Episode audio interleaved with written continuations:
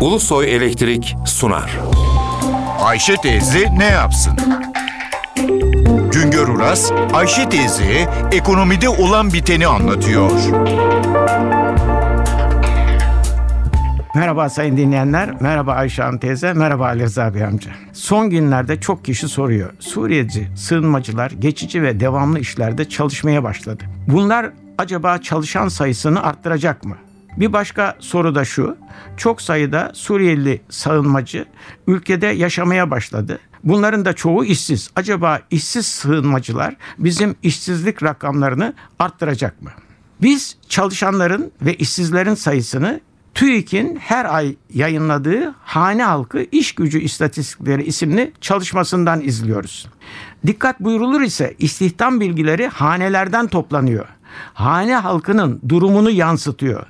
Bu bilgileri derlemek için Türkiye İstatistik Kurumu elemanları örnekleme ile seçilen 14 bin haneyi ziyaret ederek soruşturma yapıyorlar. Bu hanede kaç kişi yaşıyor? Kaç kişinin yaşı 15'ten yüksek? Yaşı 15'ten yüksek olanların kaçı iş bulduğunda hemen çalışmaya hazır durumda? İş bulduğunda çalışmaya hazır durumda olanların kaçının işi var? Kaçı işsiz? Örnekleme ve soruşturma yapılan hanelerde yaşayanların milliyeti önemli değil. Alman olabiliyor, Amerikalı, Japon olabiliyor, Suriyeli olabiliyor. Önemli olan hanede yaşayanların iş ve işsizlik durumu.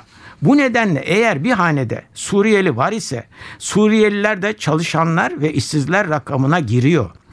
Araştırma hane halkı araştırması.